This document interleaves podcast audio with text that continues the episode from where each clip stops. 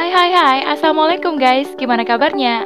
Yap, saya Dewi Najak akan menemani kalian semua dalam rubrik Teenager yang kali ini berjudul Cantik versi Islam? Why not? Oleh Najwa Azahra.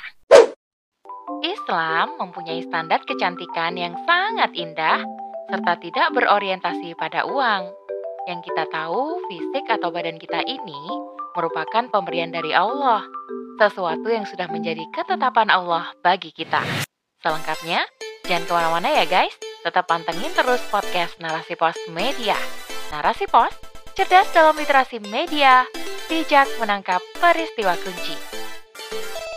Hai Sister Villa, selamat ya. Selamat untuk apa nih? Selamat karena kamu menjadi satu dari 4 miliar penduduk bumi yang ditakdirkan membaca tulisan ini. dari judul sih sudah bisa ditebak kalau tulisan ini tuh bakal ngebahas seputar perempuan. Yap, about you all sister. Nah, jangan di skip tulisan ini ya.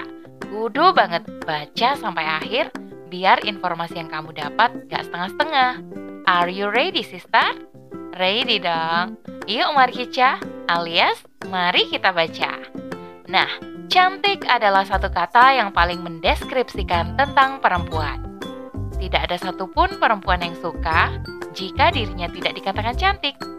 Jika ada seorang perempuan yang dikatakan tidak cantik, pasti dirinya bakal minder, rasa percaya diri perlahan memudar, dan bisa jadi sampai nangis bombay di pojokan sambil mempertanyakan, mengapa aku tak secantik yang lain ya? Sebenarnya sister, bukan lagi jadi hal yang tabu di tengah-tengah kita kalau kebanyakan orang saat ini mudah sekali mengeluarkan statement cantik atau tidaknya seorang perempuan. Padahal, setiap perempuan itu pada dasarnya cantik. Apa pun jenis kulitnya, rambut, bentuk tubuh, dan yang lainnya, Semuanya cantik dengan keunikannya masing-masing. Namun, seiring perkembangan zaman, kini definisi cantik seperti memiliki standarnya sendiri. Kecantikan perempuan diukur hanya sebatas kecantikan fisik yang di mana perempuan dituntut berpenampilan sesuai standar kecantikan yang berlaku. Tentunya sih, standar yang dipakai ini dipengaruhi oleh banyak hal. Misalnya saja, karena budaya atau adanya tren kecantikan yang tengah digandrungi banyak perempuan. Sehingga muncul anggapan bahwa perempuan hanya bisa dikatakan cantik jika sesuai dengan tren yang sedang ramai. Wih, wih, wih. Makanya kamu pasti tahu kalau setiap negara itu punya standar kecantikan yang berbeda loh. Seperti di Indonesia, standar kecantikan bagi para perempuan adalah jika tubuhnya langsing, kulitnya putih, dan memiliki rambut lurus panjang. Yuk, move on ke negara lain, semisal di Australia. Nah, di Australia dikatakan cantik jika perempuannya berkulit coklat eksotis dan berbentuk tubuh yang atletis. Berbeda dengan di Korea Selatan. Standar kecantikan perempuannya yakni jika memiliki kelopak mata yang tebal, mata bundar yang besar, dan kulit putih merona. Dan ada yang lebih mengejutkan, di Mauritania menganggap perempuan cantik jika memiliki tubuh yang gemuk. Aduh, duh, duh, bingung nggak tuh? So, sister, kita sebagai perempuan Indonesia, kalau mengikuti standar cantik di Indonesia, pasti bakal minder sendiri kan? Betul nggak? Gimana nggak minder coba? Karena setiap kita punya gen yang berbeda dan siklus hormonal yang nggak sama, jadi nggak mungkin kalau semua dari kita bisa punya kulit putih, tubuh langsing, ataupun rambut lurus panjang. Iya kan? Sayangnya, dengan standar kecantikan seperti itu, tidak sedikit dari muslimah yang juga ikut-ikutan mewujudkannya. Padahal nih, mengikuti kecantikan dengan standar manusia itu bahaya banget. Belum lagi, tren kecantikan seperti ini ternyata didukung penuh oleh kebanyakan media massa kita akan diperkenalkan dengan berbagai macam produk kecantikan dengan dorongan agar bisa cantik seperti para artis, telegram, atau model-model terkenal. Pada akhirnya, banyak bermunculan produk krim pemutih, pelangsing, pengglowing, pengencang, dan lain-lain. Semuanya diiklankan media tanpa henti dengan visualisasi kecantikan yang enggak biasa. Ditambah para produsen produk kecantikan yang bakal meraup banyak keuntungan. Dari peristiwa ini tentang adanya standar kecantikan, produk kecantikan, keuntungan para produser kecantikan, dan para perempuan yang memaksakan cantik dengan standar buatan manusia, semua itu disebabkan karena saat ini kita hidup di bawah naungan sistem kapitalis. Apa sih kapitalisme itu?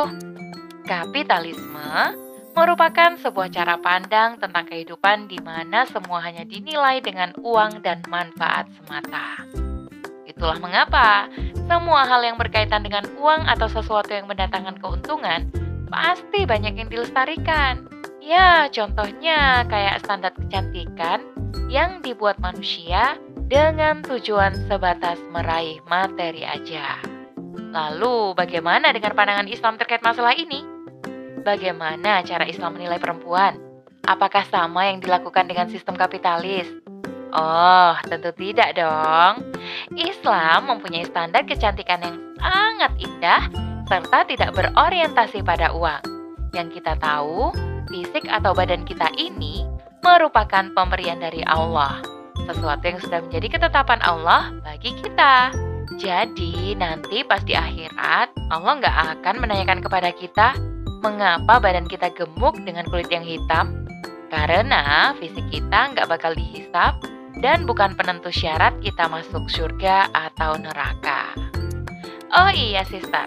Kita semua pasti mau banget kan jadi muslimah yang cerdas, muslimah yang cerdas itu tidak disibukkan dengan selalu memperindah fisiknya, tetapi menyibukkan dirinya dengan perkara yang berupa pilihan. Sebab itulah yang kelak akan dimintai pertanggungjawaban di akhirat. Rasulullah bersabda yang artinya, Sesungguhnya Allah tidak melihat kepada tubuh-tubuh kalian, tidak pula kepada rupa kalian, akan tetapi Dia melihat kepada hati-hati kalian dan amalan kalian. Hadis riwayat Bukhari dan Muslim. Nah, supaya kita nggak teracuni dengan paham kapitalis yang merusak dan menghanyutkan kita hanya pada perkara-perkara dunia. Makanya kita butuh mengkaji Islam, sister. Mengkaji Islam itu artinya memahami dengan benar tentang Islam. Apa saja aturan yang ditetapkan syariat Islam harus kita ketahui dan kita patuhi. Karena tujuan kita hidup di dunia ini adalah beribadah kepadanya, mengejar dengan sungguh-sungguh ridhonya. Satu lagi nih yang harus kalian ingat, selain mengkaji Islam, kita pun harus mengubah masyarakat menjadi masyarakat islami dengan cara mendakwahkan Islam kepada mereka. Karena besar kemungkinan, kita nggak akan dengan mudah terikut arus yang merusak kalau masyarakat di sekitar kita belum dikenalkan dengan paham Islam. Dan yang terpenting nih, negara juga berperan penting untuk menerapkan sistem Islam. Karena hanya sistem Islamlah yang mampu menjadi problem solving terbaik dalam menghapus berbagai macam permasalahan di tengah masyarakat. So, sister, tugas kita saat ini adalah tetap mengkaji Islam kafah dan jangan berhenti mendakwahkannya ke tengah masyarakat. Ingat, sister, untuk menjadi pribadi yang islami, kita butuh hidup di tengah masyarakat yang juga islami. Wallahu alam bisawab. Sister, segitu dulu ya. Rubrik teenager kali ini. Sampai bertemu di rubrik teenager selanjutnya. Saya Dewi Nasya kundur diri. Assalamualaikum wassalamualaikum warahmatullahi wabarakatuh. See you.